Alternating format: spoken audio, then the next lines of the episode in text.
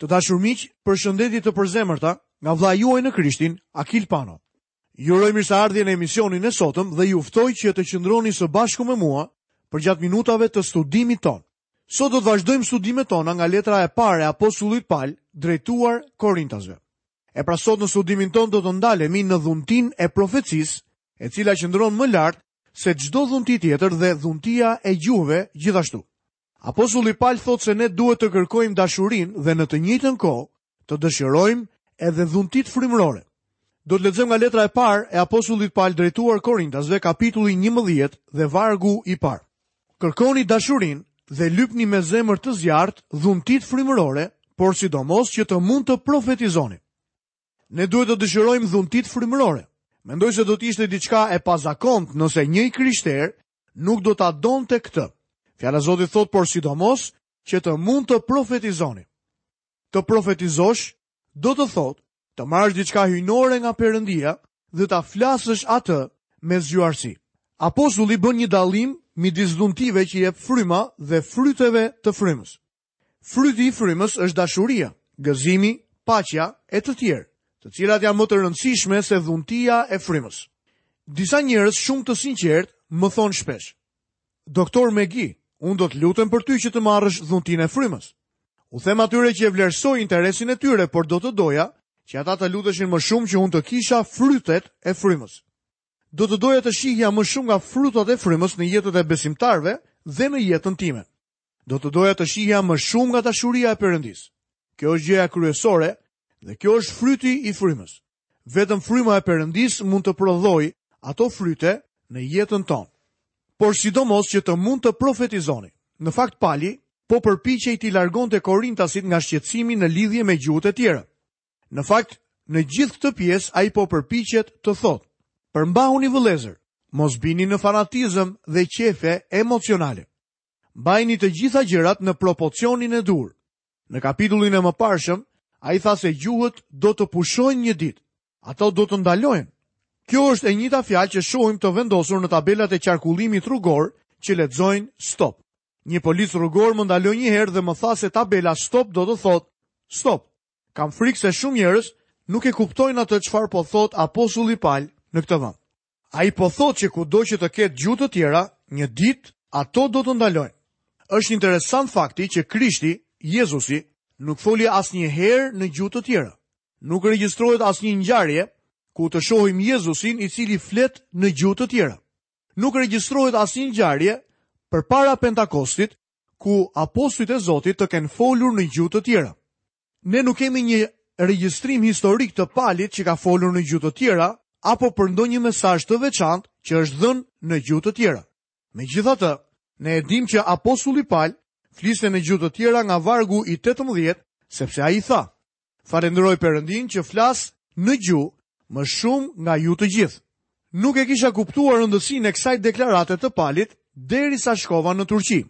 Atje vizitova rrënojat e shtatë kishave dhe me sa dukej, Pali kishte predikuar në të gjitha ato kisha. Pastaj duke u larguar, kalova në Anatolia dhe e kuptova se Pali e kishte përshkruar atë rrugë deri në Tars, qytetin e tij. Në një distancë prej qindra kilometrash, atje ndodheshin fise të ndryshme që flisin gjuhë të ndryshme. Gjithmonë kam pyetur veten se si Pali ishte në gjendje t'i fliste gjithë ato gjuhë. Ai foli si gjithë apostujt e tjerë në ditën e Pentakostit. Të gjithë e dëgjuan atë të fliste në gjuhën e vet. Ai ndoshta mund t'u ketë thënë Korintasve, nëse doni gjuhë të tjera, shkoni në fushën e misionit dhe filloni të flisni gjuhën e vendeve ku shkoni. Sot Perëndia ka ngritur disa organizata si përkthyesit e Biblës, të cilët po përpiqen të përkthejnë Biblën në të gjitha gjuhët e njohura të botës. Kjo miqtë e mi është lëvizja më e madhe e gjuhëve që kam dëgjuar. Ne e dimë që në një kohë Pali u rrëmbye në qiellin e tretë. Ai na tregon se si ai dëgjoi fjalë të patregueshme. Unë nuk mendoj se ato ishin fjalë të panjohura ose gjuhë të panjohura. Ato ishin fjalë që ai nuk ishte i lejuar t'i shqiptonte. Gjuhët e tjera nuk janë gjuhë misterioze, ngazëllyese apo dalldisëse. Ato nuk janë një përzierje e një rapsodie. Gjuhët e tjera janë gjuhë të huaja. Në ditën e Pentakostit, apostujt folën në gjuhë të huaja, në mënyrë që çdo njeri që ishte atje të dëgjonte ungjillin në gjuhën e tij. Po të vini re me kujdes, do të dalloni se kapitulli i katërmbëdhjetë nga letra e parë e apostullit Pal drejtuar Korintasve është një shtesë e kapitullit të dashurisë. Ky kapitull hapet me këto fjalë: Kërkoni dashurinë dhe lypni me zemër të zjarrtë dhuntitë frymërore. por sidomos që të mund të profetizoni. Lexojmë më poshtë vargun e dytë. Sepse ai që flet në një gjuhë tjetër nuk u flet njerëzve, por Perëndisë, sepse askush nuk e kupton. Por ai në frymë flet mistere. Vini re se fjala tjetër është me shkronja të pjerrëta në Biblën tuaj, gjë që do të thotë se kjo fjalë nuk ndodhet në origjinal. Në asnjë vend të Biblës nuk flitet ndryshe. Vargu i mësipër duhet të ishte, Ai që flet në një gjuhë nuk u flet njerëzve, por Perëndisë, sepse askush nuk e kupton atë, por ai në frymë flet mistere. Në këtë kapitull shohim se Pali thekson tre dhunti, profecinë, gjuhët dhe interpretimin e gjuhëve. A e keni vënë re se në Bibël gjuhëve nuk u jepet shumë vend përveçse në këto tre kapituj. Për gjuhët e panjohura flitet tek Ungjilli sipas Markut, kapitulli 16 dhe vargu i 17, Veprat e Apostujve kapitulli 2, kapitulli 10 dhe kapitulli 19 dhe në kapitujt 12 dhe 14 të letrës së parë drejtuar Korintasve. Korneli dhe shtëpia e tij flisnin në gjuhë të reja. Është një ngjarje që e gjejmë në kapitullin e 10 në librin e Veprave të Apostujve. Dishepujt e Gjonit në Efes folën në gjuhë, pasi Pali u kishte predikuar ungjillin atyre. Ne shohim se gjuhët e panjohura përdoreshin në themelimin e shpërndarjes së hirit. Sa herë që përdoreshin gjuhët, ato përdoreshin në këtë kontekst. Kur ungjilli erdhi në kombin e Izraelit, njerëzit filluan të flasin në gjuhë në ditën e Pentakostit. Kur ungjilli shkoi tek johebrenjtë, pati të folur në gjuhë në shtëpinë e Kornelit. Kur ungjilli shkoi në skajet e tokës, në Efes pati sërisht të folur në gjuhë. Ai që flet në gjuhë, nuk u flet njerëzve, por Perëndisë, sepse askush nuk e kupton atë, por ai në frymë flet mistere. Kjo do të thotë që madje as vetë individi nuk e kupton çfarë flet. Lexojmë më poshtë në vargun e tretë. Kurse ai që profetizon u flet njerëzve për ndërtim, për nxitje e përdëllim. Apostulli Pal po thekson dhuntinë e profecisë. Ai u kërkon atyre që të mos jepen të gjithë pas gjuhëve që u japin kënaqësi, por të flisnin fjalën e Zotit për ndërtim, nxitje dhe përdëllim. Lexojmë vargun e katërt. Ai që flet një gjuhë tjetër, ndërton veten e tij, por ai që profetizon, ndërton kishën. Kur një individ ushtron dhuntinë e gjuhëve, kjo është një dhunti e cila vlen për ndërtimin e tij personal shpirtëror, por profecia dhe mësimi është për ndërtimin e kishës. Lexojmë vargun e pestë. Unë dua që të gjithë ju të flisnit gjuhëra, por më tepër të profetizoni, sepse ai që profetizon është më i madh nga ai që flet gjuhëra, veç në interpretoftë që të marrë ndërtim kisha. Të profetizosh do të thotë të shpërndash fjalën e Zotit. Gjëja më e rëndësishme nuk është një takim ku flitet në gjuhë, por një studim i Biblës. Ai që profetizon është ai që jep mësimin. Asnjë nuk duhet të flasë në gjuhë nëse nuk ka asnjë njeri tjetër për të interpretuar që të ndërtohet kisha. Dhe këtu fjala është për individët të cilët japin përpara kishës një mesazh në gjuhë të tjera. Në mënyrë që ky mesazh të jetë me kuptim, pra e folura në gjuhë përpara kishës, Atëherë, është e domosdoshme që një vëlla apo një motër tjetër nga kisha të ketë gjithashtu dhuntinë e interpretimit të gjuhëve, në mënyrë që ky mesazh të jetë një mesazh ndërtues, duhet të jetë me kuptim. Lexojmë vargun e 6. Dhe tani o vëllezër, po të vija e t'ju flisja në gjuhë, ç'dobi do të kishit, po të mos ju flisja me anë të zbulesës, a me njohuri, a me profeci, a me mësim. Apostulli po thotë me fjalë të tjera, nëse ajo që ju them nuk ka kuptim për ju, atëherë cila është dobia e ardhjes time tek ju? Lexojmë më poshtë vargun e 7 dhe të 8. Edhe gjërat që nuk kanë shpirt dhe nxjerrin zë, fyelli ose qestja, po të mos japin zë të dallueshëm, si do të njihet të rënit e fyellit ose të qestes, sepse po të japë buria një tingull të panjohur, kush do të përgatitet për betejë. Shpesh kam menduar se mund të bëhesha një muzikant nëse do të bëja me instrumentat atë që bëjnë njerëzit që flasin në gjuhët e panjohura me tingujt. Edhe pse nuk marr vesh nga muzika dhe nuk kam vesh për të, unë mund t'i bie borisë, por sigurisht që kjo do të ishte një zhurmë e pakuptimtë. Edhe një instrument pa jetë duhet të ketë një kuptim në këtë botë. Nëse buria jep një tingull të panjohur, kush do të përgatitet për betejë? Buria përdorej për të lajmëruar trupat e ushtrisë për betejë.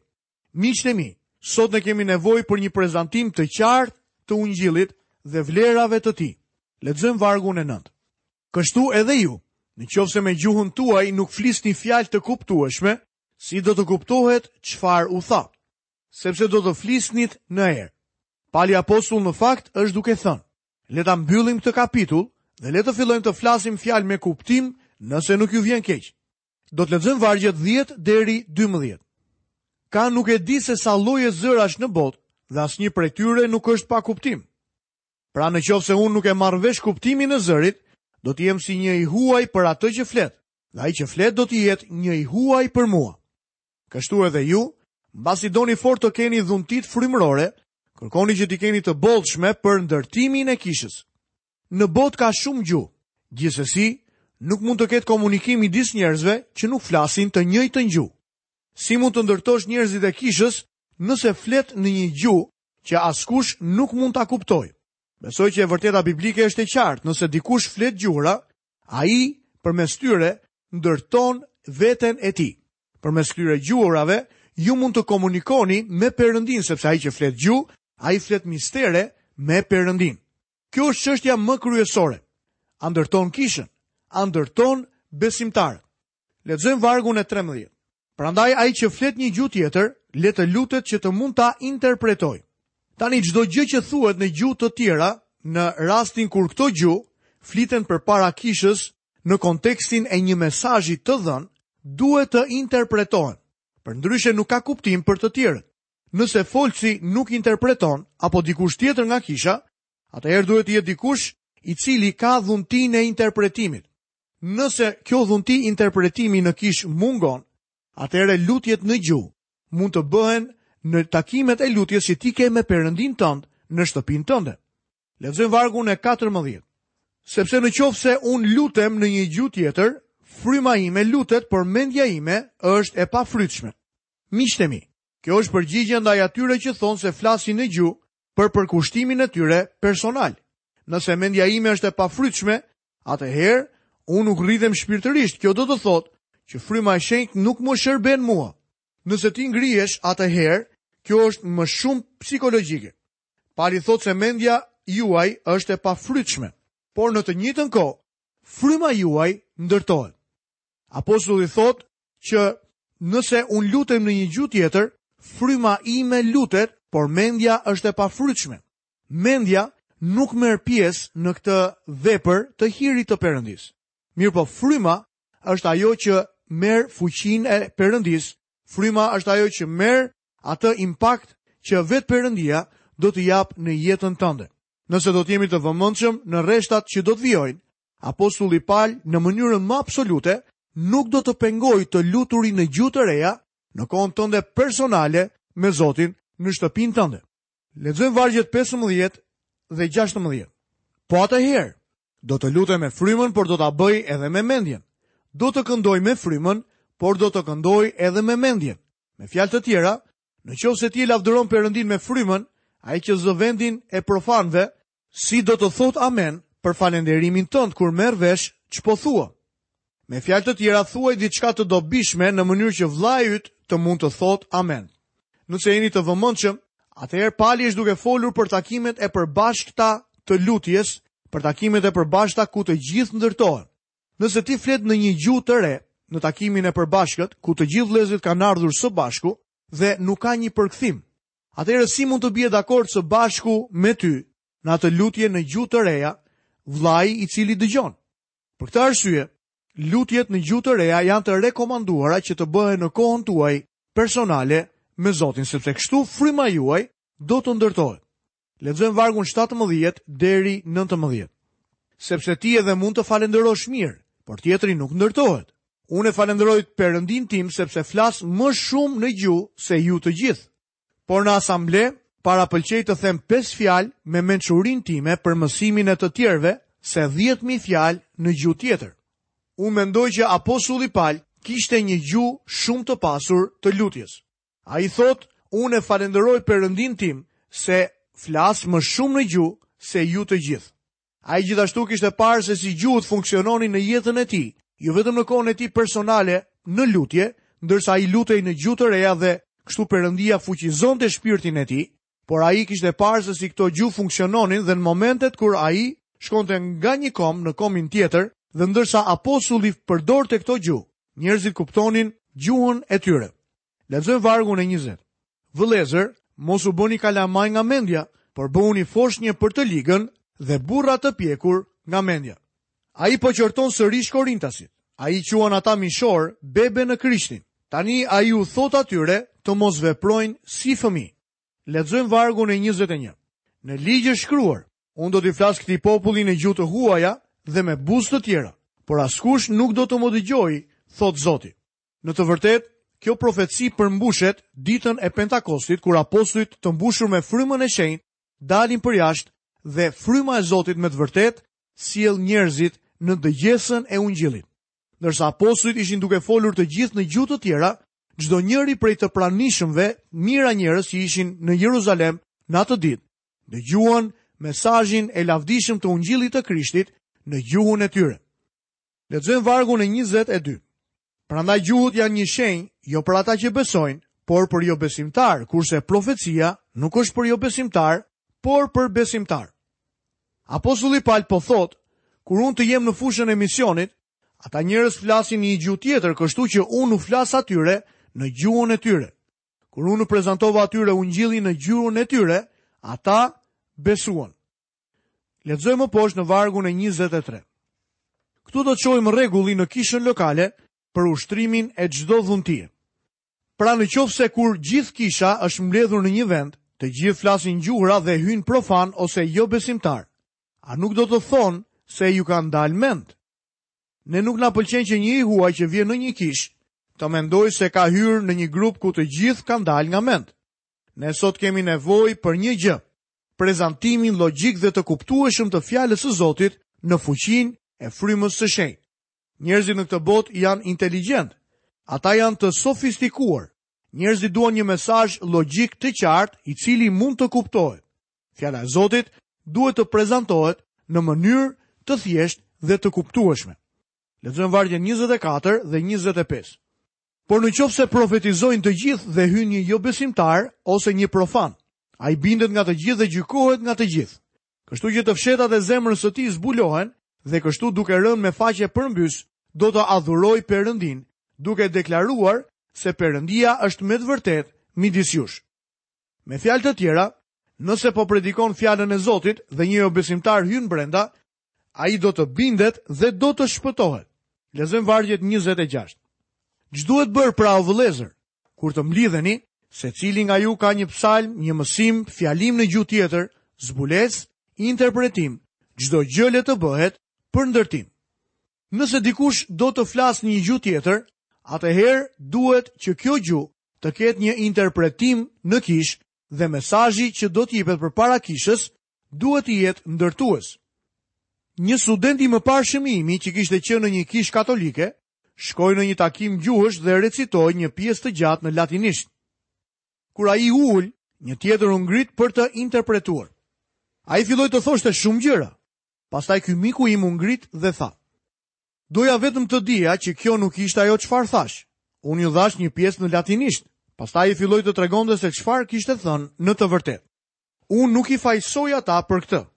Unë mendoj se miku im bëri gjënë e duhur. E tregova këtë thjesht për të theksuar faktin se të folurit në një gjuhë mund të jetë për ndërtim, por mund të jetë edhe për t'u tallur.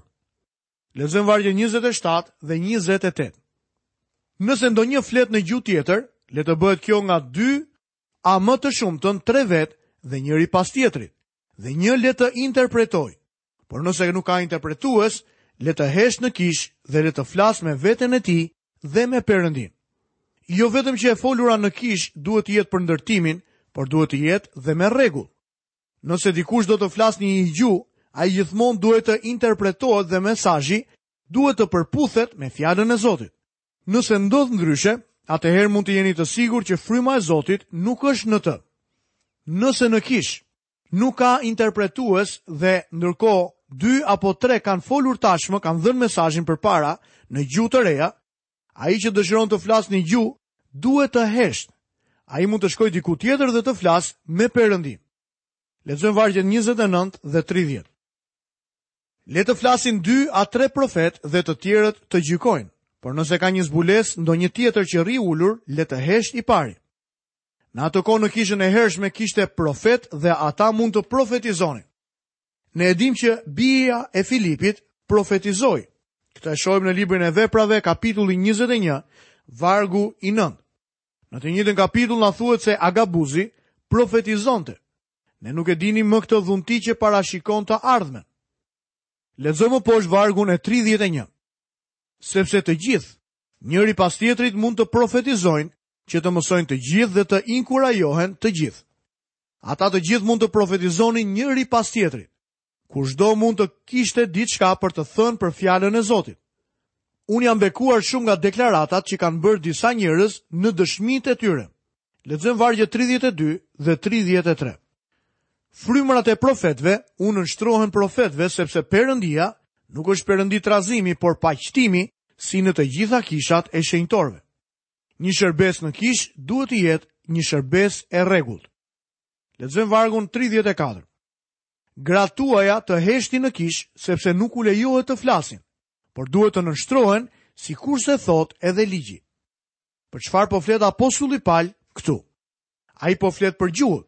Ai nuk po thotë se një gruaje nuk i lejohet të flasë në kishë. Ai po thotë se ajo nuk duhet të flasë në gjuhë në kishë, në rast se nuk ka individë të cilët do ta interpretojnë mesazhin e saj. Miku im, nëse ti e largon gruan nga lëvizja e gjuhëve, ajo do të vdiste brenda natës. Dikush mund të thotë, kjo nuk është diçka e bukur për t'u thënë. E di që nuk është e bukur, por është e vërtetë. Lexojmë vargjet 35 dhe 36. Dhe në qoftë se duan të mësojnë ndonjë gjë, le të pyesin burrat e tyre në shtëpi sepse është e turpshme për gratë të flasin në kishë. Prej jush doli fjala e Perëndisë apo vetëm tek ju arriti.